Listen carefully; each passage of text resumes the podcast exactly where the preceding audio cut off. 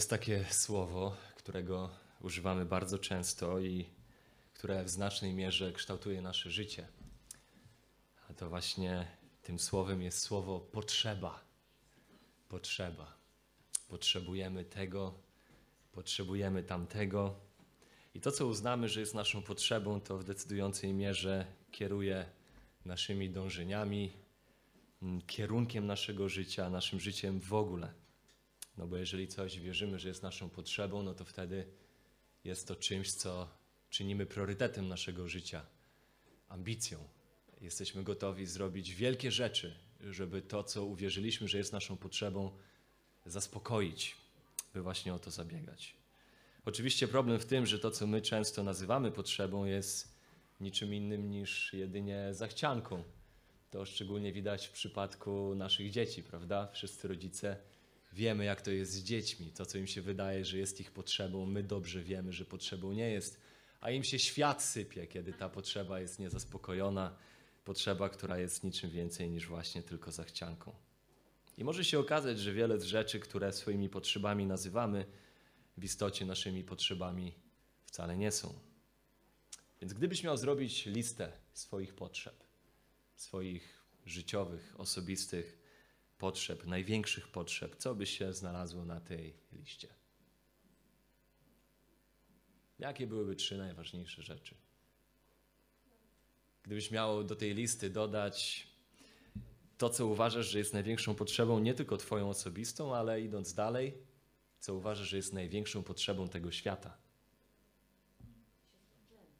Tlen. Tak. Co jest największą potrzebą świata?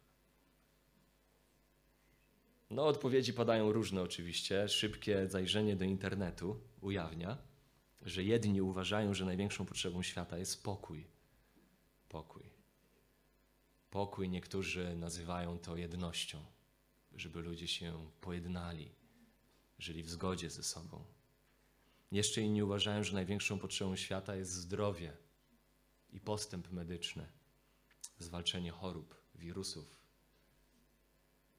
Jeszcze inni uważają, że największą potrzebą świata jest walka o matkę, naturę, o ziemię, podejmując się różnego rodzaju działań ekologicznych.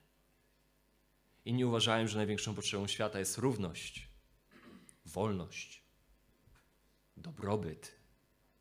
Niektórzy uważają nawet, to są rzeczy autentycznie wzięte z internetu, z tych, którzy piszą o największych potrzebach świata, że największą potrzebą jest ograniczenie zaludniania Ziemi. Bo 200, cytując, bo 250 tysięcy nowych ludzi dziennie niszczy naszą planetę. A może naszą największą potrzebą jest miłość? Może miłość, jak śpiewali The Beatles. All you need is love, love, love. Wszystkiego, czego potrzebujesz, to miłość, miłość, miłość. Albo Jackie Shannon piosence What the world needs now is love, sweet love. To, czego świat potrzebuje teraz, to miłość, słodka miłość. Otwórzmy Ewangelię Marka, drugi rozdział. Wracamy do tego, co Marek nam opisuje z historycznych wydarzeń życia Jezusa Chrystusa z Nazaretu. Jesteśmy na drugim rozdziale. Zobaczmy, czego możemy dowiedzieć się z tej historii na temat tego, co jest największą potrzebą człowieka, ludzkości i świata w ogóle.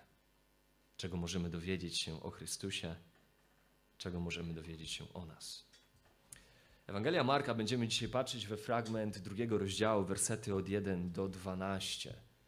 I od razu zobaczymy już na samym początku tego fragmentu, że przenosimy się z powrotem do miasta Kafarnaum. To tam rozgrywa się akcja z Jezusem z Nazaretu w roli głównej. No wiemy, że on wyszedł z Kafarnaum w pierwszym rozdziale. Tam y, wydawało się, że jego służba kwitnie, że odnosi niesamowity sukces, zyskuje popularność, tłumy gromadzą się u drzwi, chcą widzieć spektakularne jego czyny, a on odchodzi na osobność. Uczniowie zrozpaczeni ścigają go, próbują go znaleźć, mówią: Co ty robisz? Ty nie rozumiesz strategii wzrostu kościoła. Ty powinieneś być tam z tymi ludźmi. A ty tutaj odchodzisz na osobność. On im wtedy tłumaczy, że przyszedł po to, aby głosić Ewangelię. Więc chłopaki, nie wracamy do Kafarnaum. Idziemy do innych miasteczek i do okolicznych wsi, abym tam wygłosił słowo Ewangelii, abym wypełnił w ten sposób powołanie, które dał mi Ojciec. Po to przyszedłem. Więc przez jakiś czas Jezus przebywa poza Kafarnaum, rozgłasza Ewangelię w okolicznych miasteczkach, ale tutaj wraca do Kafarnaum. Też warto zrozumieć tak, żeby sobie uporządkować, może na przyszłość, żeby łatwiej było nam czytać Ewangelię Marka, wiedzieć, jak Mark komponuje materiał, który zawarł w tej Ewangelii, to warto wiedzieć, że pierwszy rozdział przedstawia nam Jezusa jako umiłowanego Syna Bożego. Rozdział pierwszy jest w dużej mierze rozdziałem triumfalnym. Tam ujawniona, odsunięta dla nas jest wyjątkowość Jego tożsamości, jako tego, którego zapowiadali prorocy, jako tego, w którym teraz wypełnią się obietnice, ten, który jest nadzieją dla zbawienia świata. I tam widzimy w pierwszym rozdziale, kiedy Jezus zaczyna swoją publiczną służbę, jego popularność właśnie rośnie. Gromadzą się wokół niego tłumy. Wszyscy są w podziwie jego nauki i w podziwie jego czynów. Rozdział drugi jest trochę inny. Tam klimat się zmienia. Tutaj mamy tak zwanych pięć narracji narastającej opozycji wobec Jezusa. Drugi rozdział od pierwszego wersetu do szóstego wersetu trzeciego rozdziału. Mamy pięć historii, pięć narracji, które po kolei pokazują nam, jak nienawiść, opozycja wobec Jezusa narasta. Ta opozycja narasta chociażby w wyniku rosnącej jego popularności i jego twierdzeń na swój temat. One były przełomowe, nie do zaakceptowania dla obecnych przywódców religijnych, teologów tamtych czasów.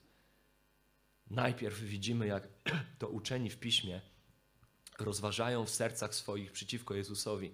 To jest to, co zobaczymy w dzisiejszej historii, w tej pierwszej historii. Najpierw w swoich sercach zaczynają myśleć przeciwko Niemu, źle, negatywnie o Nim. Potem w drugiej historii możemy zobaczyć, jak zaczynają narzekać na Jezusa przed Jego uczniami. Potem w kolejnej historii stają się śmielsi i zwracają się w proteście już wprost do Jezusa aż w końcu w trzecim rozdziale oskarżają go o współpracę z samym szatanem i zaczynają knuć, jak go zniszczyć. To jest fragment o narastającym konflikcie i opozycji wobec Jezusa. I pierwsza z tych narracji jest właśnie tutaj. Drugi rozdział, od 1 do 12. A po kilku dniach znowu przyszedł do Kafarnaum i usłyszano, że jest w domu. Więc wiemy, że upłynął jakiś czas, od zwiastowania Ewangelii po tych okolicach. Jezus wraca, można się domyślać, że po cichu wraca do Kafarnaum. Wydaje się, że właśnie po cichu, no bo tam Marek mówi o tym i usłyszano, że Jezus jest w domu. Czyli nie rozgłaszano, że Jezus wrócił do Kafarnaum. To nie był jego cel, żeby tam wrócić spektakularnie, oto znowu ja, tutaj przyprowadźcie ludzi.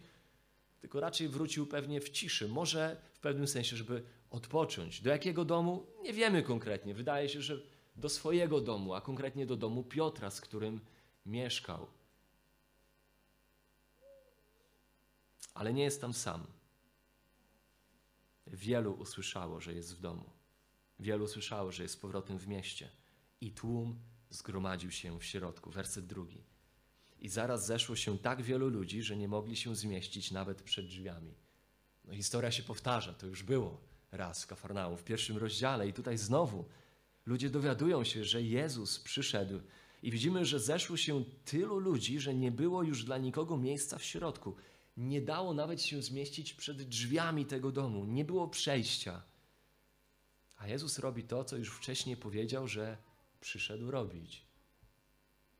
Głosił im Słowo Boże. Po prostu uczy, naucza. Nie znamy treści wielu skazań, które Jezus wygłosił. Natomiast na podstawie tych, które znamy, które są dla nas opisane na kartach Pisma Świętego, możemy się domyślać, że Jezus nauczał po prostu o tym, kim On jest. I o tym, jak cały Stary Testament, czyli to, co obecnie ludzie mieli jako pismo, było o Nim. Było o Nim. że to o nim mówili prorocy i to w nim przyszedł ratunek dla świata. Werset trzeci. Wtedy przyszli do niego, niosąc sparaliżowanego, a niosło go czterech ludzi. A gdy nie mogli do niego podejść z powodu tłumu, odkryli dach nad miejscem, gdzie był Jezus, wyłamali go i spuścili na dół posłanie, na którym leżał sparaliżowany. I podczas gdy Jezus naucza, coś się dzieje. Znowu w pewnym sensie powtórka z historii, bo jeżeli byśmy sobie przypomnieli, co się działo, kiedy Jezus pierwszy raz publicznie naucza w synagodze w pierwszym rozdziale, to tam też ktoś przeszkodził mu w nauczaniu. Wtedy to był mężczyzna opętany przez demona. Tutaj po raz kolejny Jezus naucza i nagle coś się dzieje. Nagle słychać hałas. Nagle coś leci z sufitu, spada na ludzi. To czterech mężczyzn pojawia się, którzy przyprowadzają swojego sparaliżowanego przyjaciela. Więc Jezus naucza, nagle słyszy te hałasy, skrawki spadające na podłogę. Ci mężczyźni nie byli w stanie oczywiście dojść do Jezusa, wiemy to z wersetu drugiego. Nawet drzwi były zablokowane tłumem, nie byliby w stanie się przebić. No więc robią coś niebywałego. Wchodzą na dach i biorą się za rozbiórkę, za demolkę. Robią demolkę dachu, a następnie spuszczają z góry sparaliżowanego przyjaciela na jego posłaniu. Widok musiał być no, niesamowity i niecodzienny. W typowym izraelskim domu nie, nie było trudno rozebrać dam, dachu. Dach najczęściej był płaski, zrobiony z belek i z łat. Przestrzenie pomiędzy tymi drewnianymi elementami były wypełniane gałęziami, a od góry, od wierzchu były przykryte no, niegrubą warstwą gliny albo błota zmieszanego ze słomą. To nie było trudne, żeby dach rozebrać. Ich intencje są jasne.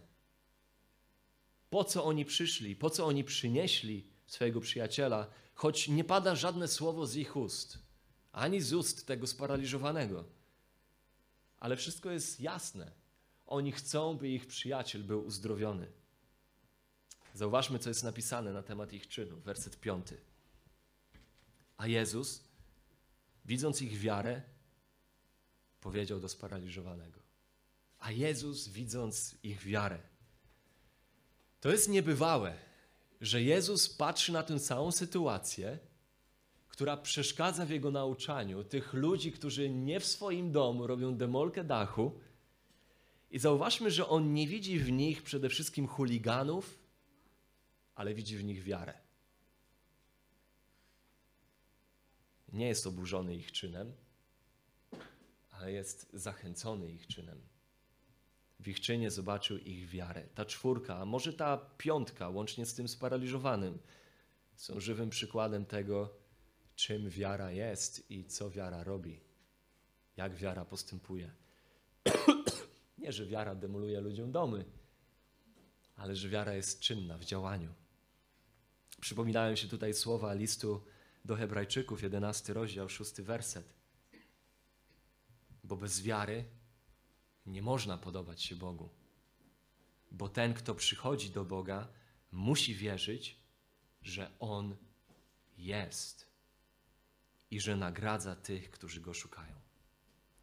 I tutaj mamy dobry przykład wiary, chociaż to nie jest głównym przesłaniem tego fragmentu, to mamy tutaj lekcję na temat tego, czym jest wiara, dobra, prawdziwa wiara. Po pierwsze, jest ona zakorzeniona w prawdzie. Prawdziwa, dobra wiara jest zakorzeniona w tym, co Bóg mówi na swój temat. Oni czegoś się dowiedzieli o Jezusie. To nie był skok w ciemność. Osoba Jezusa już w jakiś sposób była znana.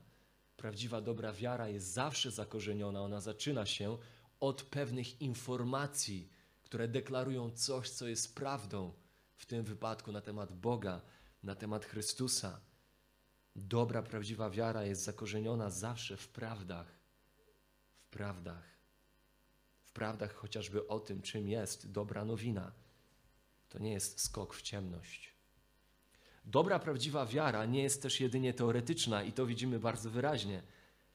Dobra, prawdziwa wiara nie pozostaje jedynie moją umysłową zgodą na coś, na jakąś informację, na jakąś prawdę. Dobra, prawdziwa wiara objawia się w czynach, popycha tego, który wierzy, do działania, które jest manifestacją tej wiary. Jest stylem życia, jest podejściem do życia, dlatego oksymoronem, zaprzeczeniem samym sobie jest powiedzieć, że jest się wierzącym niepraktykującym. To tak jak powiedzieć, że biel może być czarna, a światło może być ciemne. Dobra, prawdziwa wiara będzie zmieniać nie tylko co i jak myślimy, ale dobra, prawdziwa wiara będzie zmieniać, co robimy i jak żyjemy.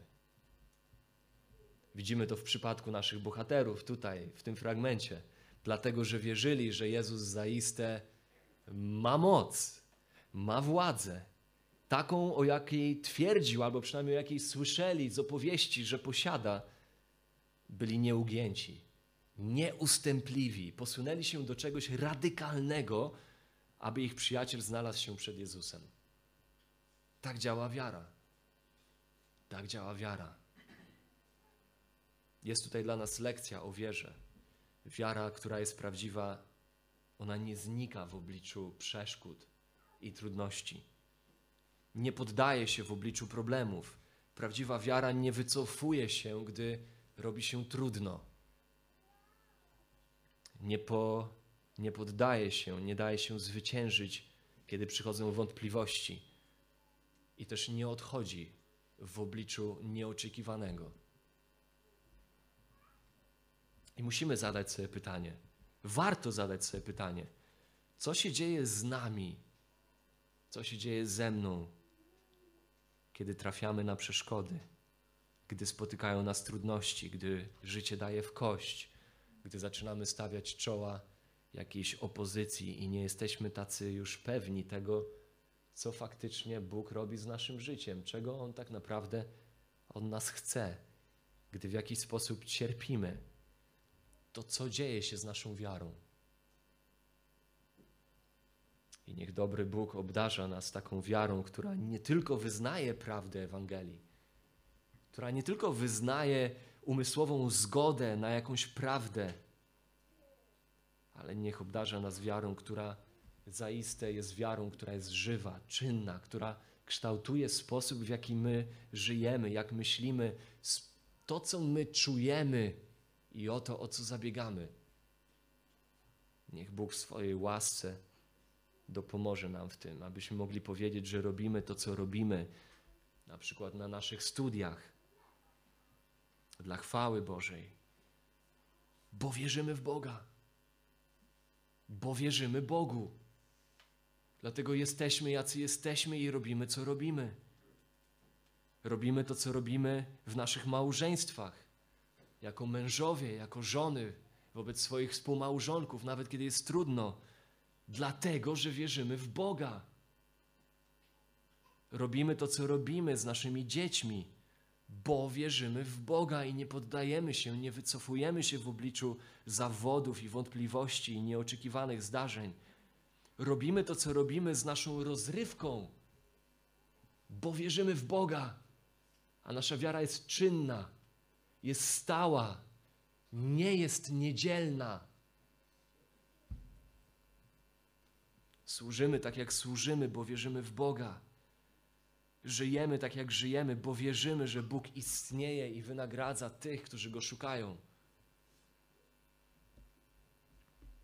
Sam chciałbym powiedzieć, że wiara w Boga definiuje każdy szczegół w każdym czasie i w każdej okoliczności mojego życia, ale tak nie jest.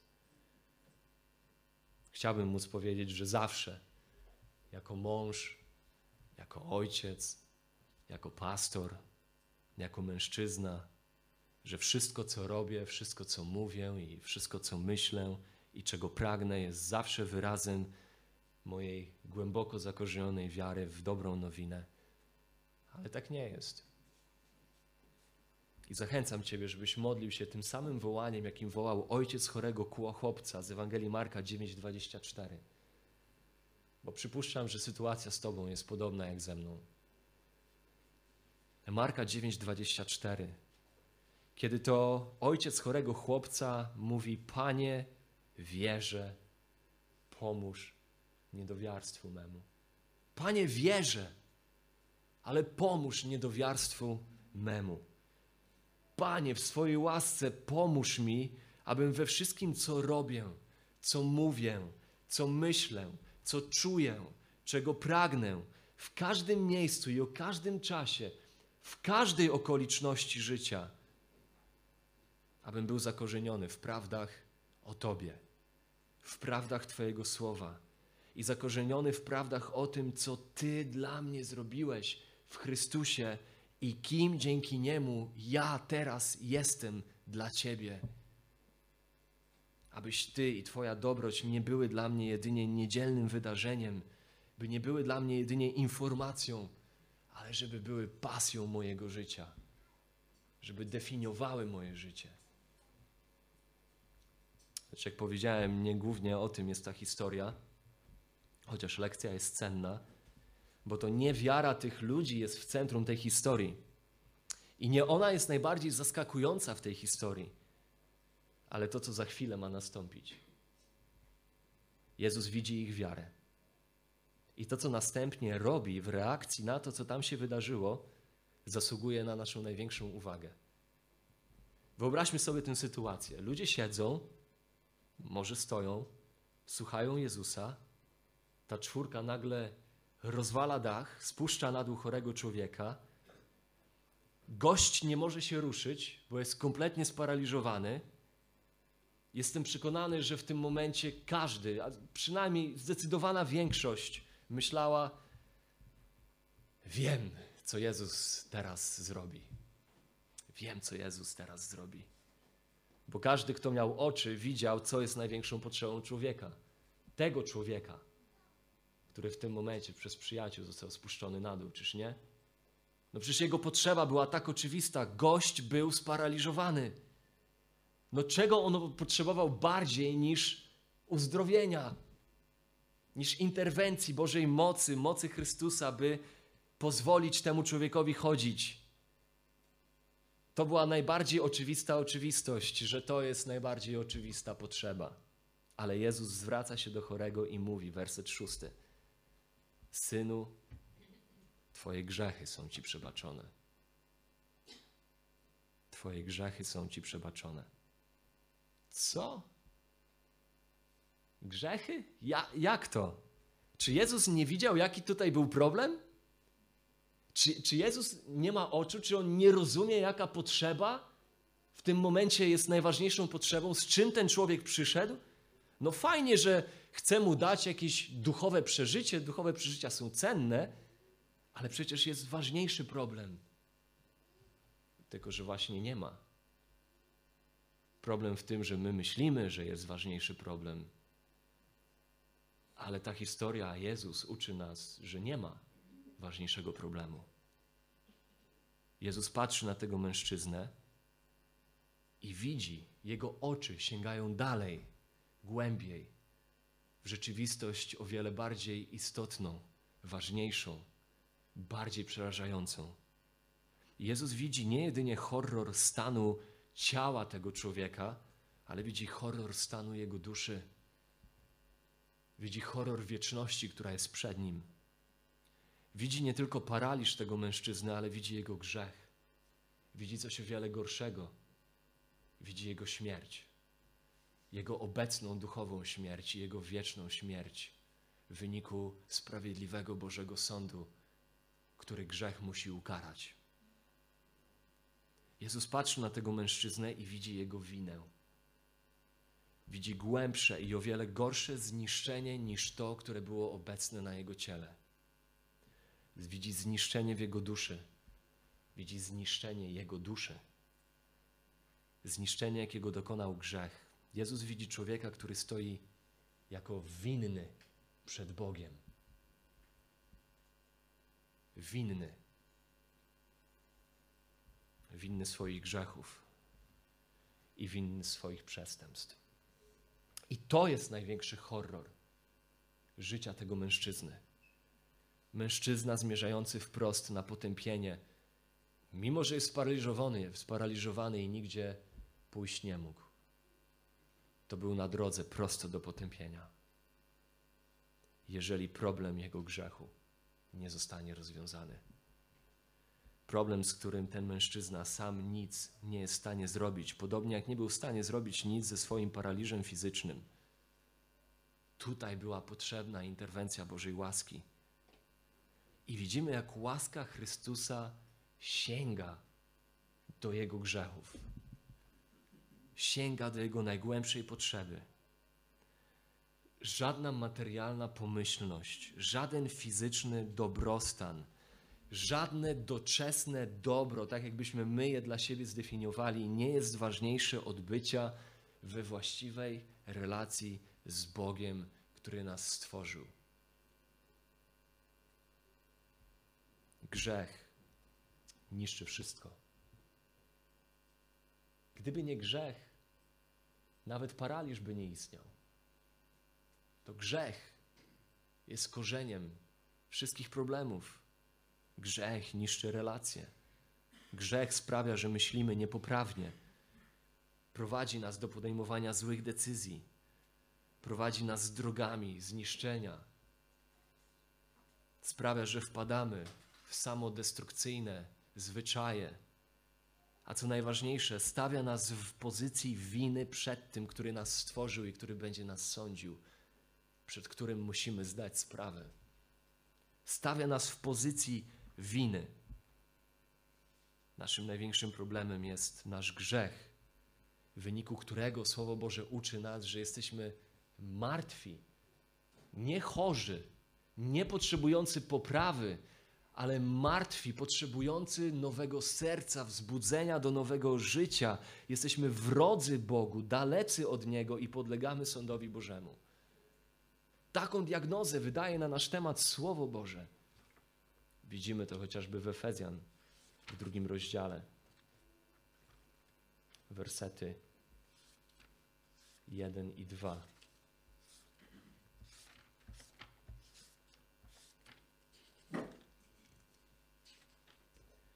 I wy umarliście przez upadki i grzechy wasze, w których niegdyś chodziliście, według modły tego świata, naśladując władcę, który rządzi w powietrzu, ducha, który teraz działa w synach opornych.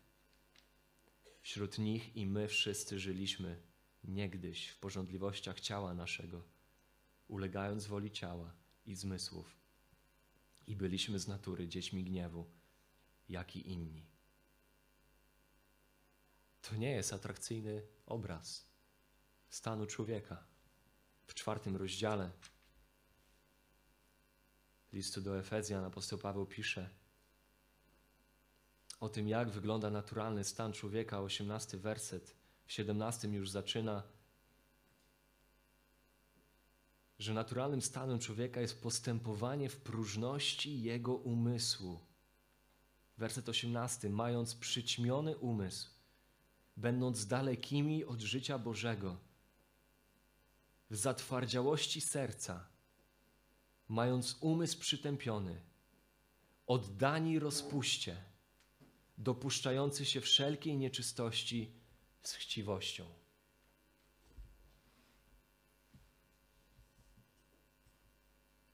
Naszym największym problemem jest nasz grzech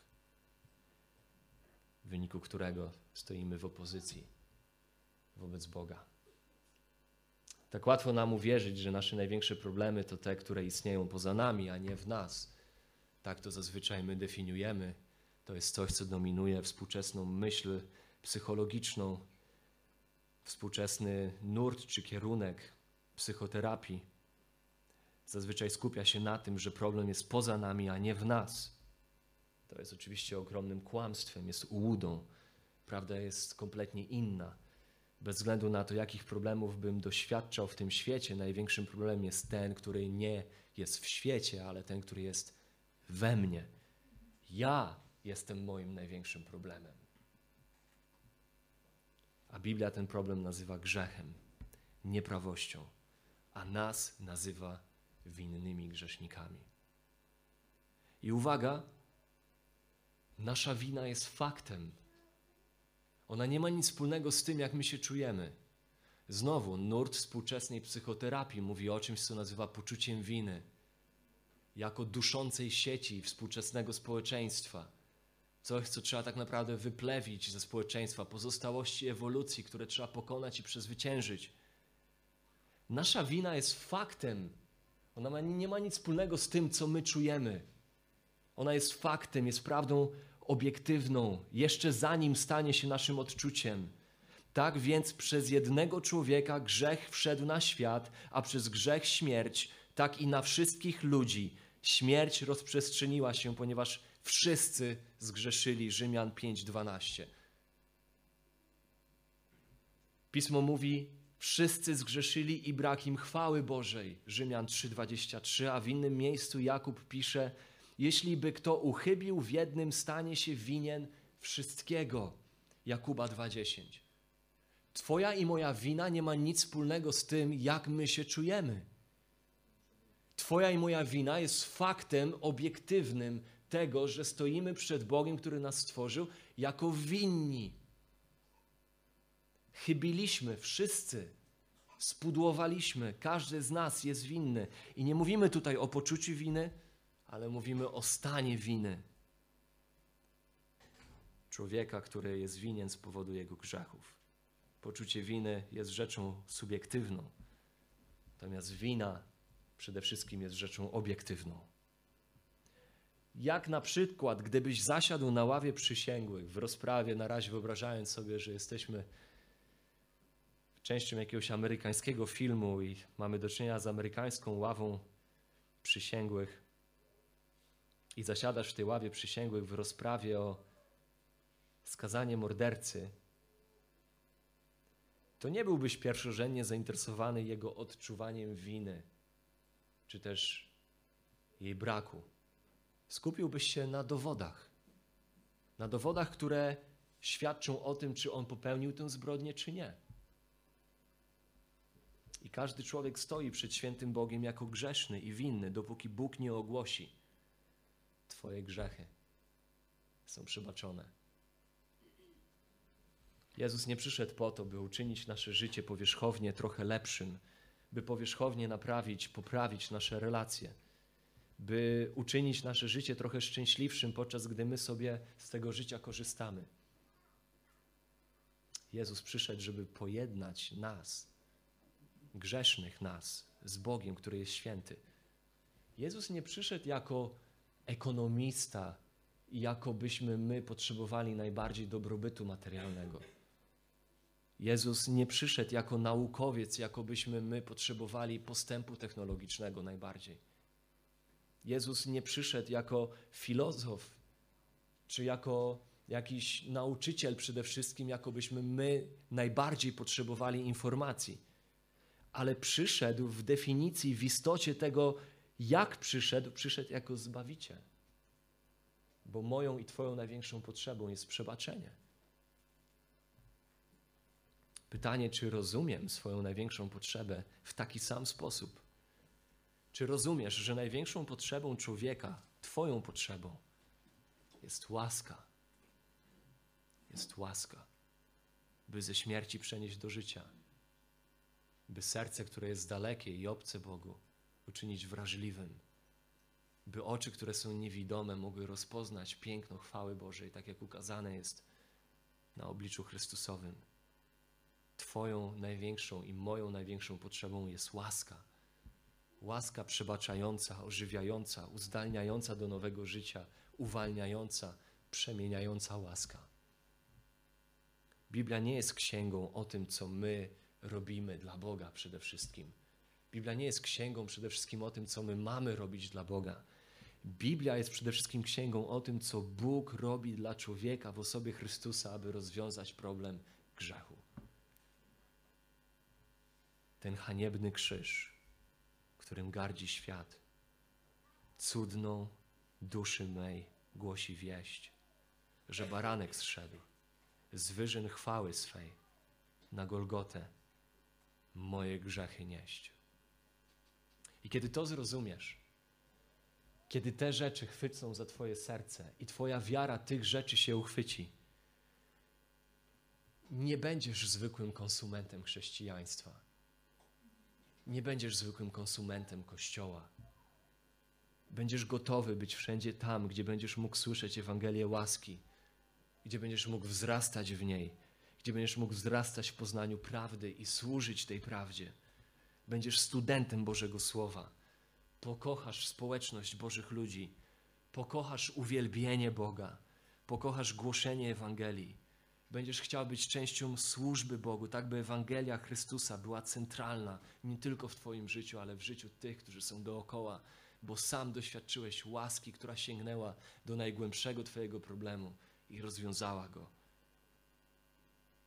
I teraz to, co Jezus powiedział w tych mocnych słowach, że ma prawo powiedzieć: Synu mój, odpuszczone są ci grzechy, powiedział do tego sparaliżowanego.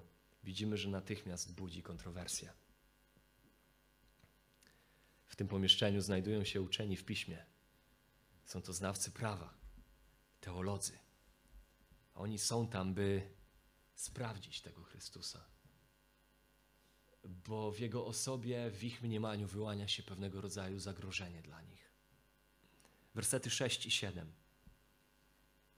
A byli tam niektórzy z uczonych w piśmie, siedząc i myśląc w swoich sercach, czemu on mówi takie bluźnierstwa? Któż może przebaczać grzechy oprócz samego Boga? Oni znali pisma. I oni wiedzieli, co deklaracja Jezusa o przebaczeniu grzechów temu choremu oznaczała. I oni nie zgadzali się z nią. Byli oburzeni, bo dobrze rozumieli, co to znaczy. Oni, jako eksperci w Piśmie Świętym, w Starym Testamencie, oni wiedzieli kilka rzeczy. Przede wszystkim wiedzieli, że każdy grzech jest pierwszorzędnie przeciwko Bogu. I oni mieli rację w tym, co wiedzieli.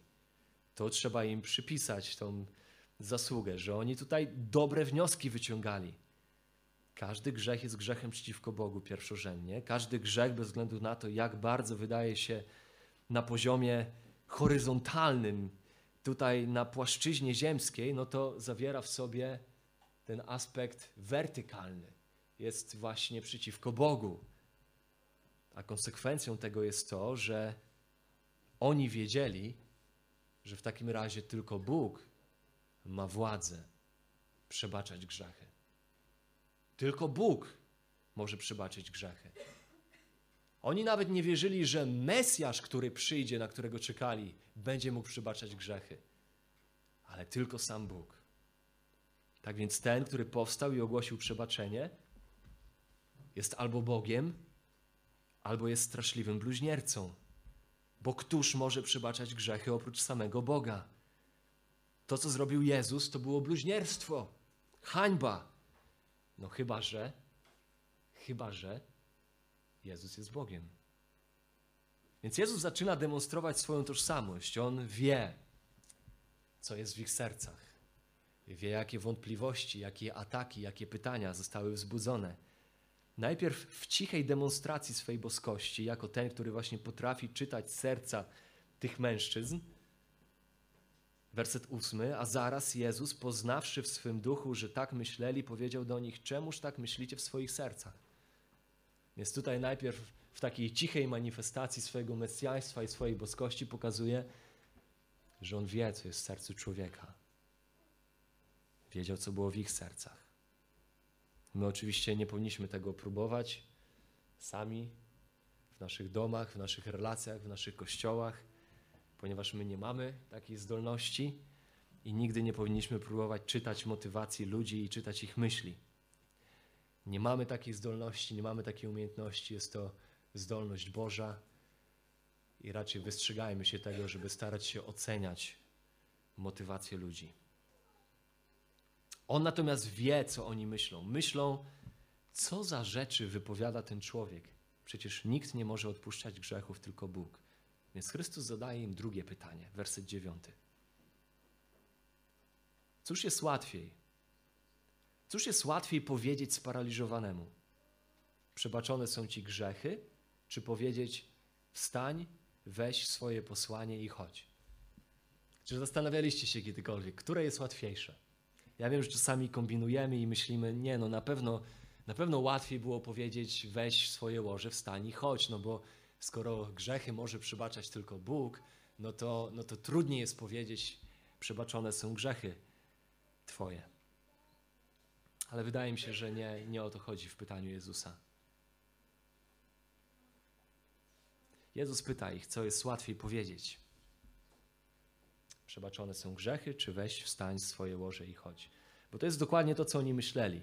Oni myśleli tak. Każdy może powiedzieć, że grzechy są przebaczone. To jest bluźnierstwem.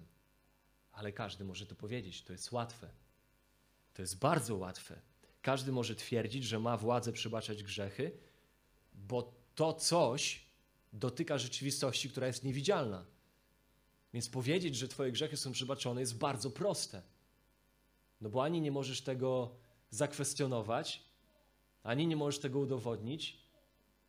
To jest łatwe. To jest łatwe.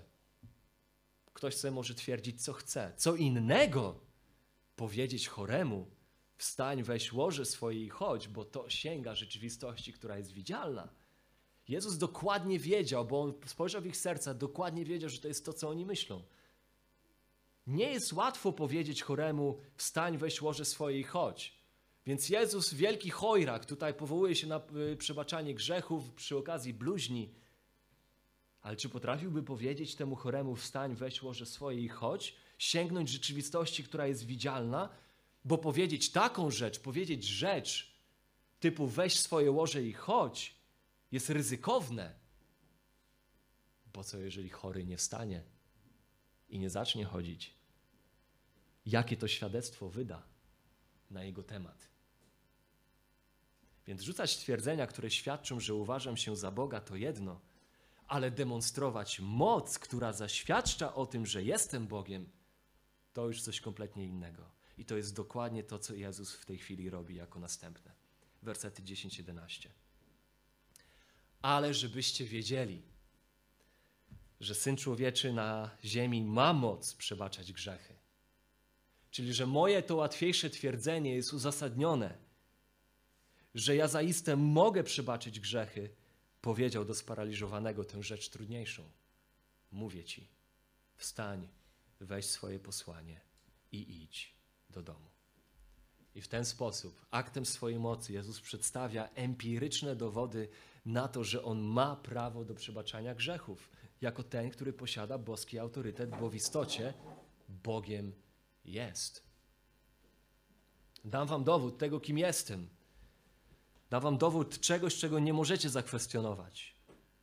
Więc patrzy na mężczyznę i mówi: bądź zdrowy. Oświadczenie o przebaczeniu nie daje żadnego obiektywnego dowodu jego skuteczności. To tak jest w oświadczeniu o uzdrowieniu. Jest odwrotnie. Jeżeli mężczyzna nie byłby w stanie się ruszyć, to oświadczenie okazałoby się oszustwem. Jeżeli się ruszy, no to Jezus dowiedzie, udowodni, że zaiste to, co powiedział wcześniej, jest prawdziwe i Bogiem jest. I zobaczmy, jak Jezus używa tego cudu. Ten cud z pewnością e, jest w pewnym sensie wyrazem Jego miłosierdzia, Jego łaski, Jego dobroci współczucia, ale jest czymś więcej. Jest właśnie fizyczną demonstracją, która wskazuje na jego tożsamość, żeby wzbudzić w ludziach, którzy tam byli, wiarę. Jego cuda nigdy nie były przypadkowe. To nie były cuda dla jakiegoś show. To były cuda, które zawsze służyły uwierzytelnieniu jego twierdzeń na temat tego, kim on jest w swej tożsamości. Więc zauważmy wynik, ostatni werset, dwunasty werset. A ten natychmiast wstał, wziął swoje posłanie i wyszedł na oczach wszystkich, tak że wszyscy byli zdumieni i chwalili Boga, mówiąc: Nigdy nie widzieliśmy czegoś takiego. Mężczyzna wstał, wyszedł na oczach wszystkich, a tłum był zdumiony. Wielbią Boga i mówią: Nigdy nie widzieliśmy czegoś takiego. Któż jest jak nasz Bóg? Kto jest w stanie sięgnąć do bagna, w jakim zostawił nas grzech i dotrzeć do najgłębszych zakamarków destrukcji grzechu i oczyścić sedno czy istotę naszego problemu. I ogłaszając przebaczenie, Jezus zapowiada również nadchodzący krzyż. Uwielbiam sposób, w jaki Paweł mówi o tym w liście do Kolosan w drugim rozdziale, wersety 13 do 15.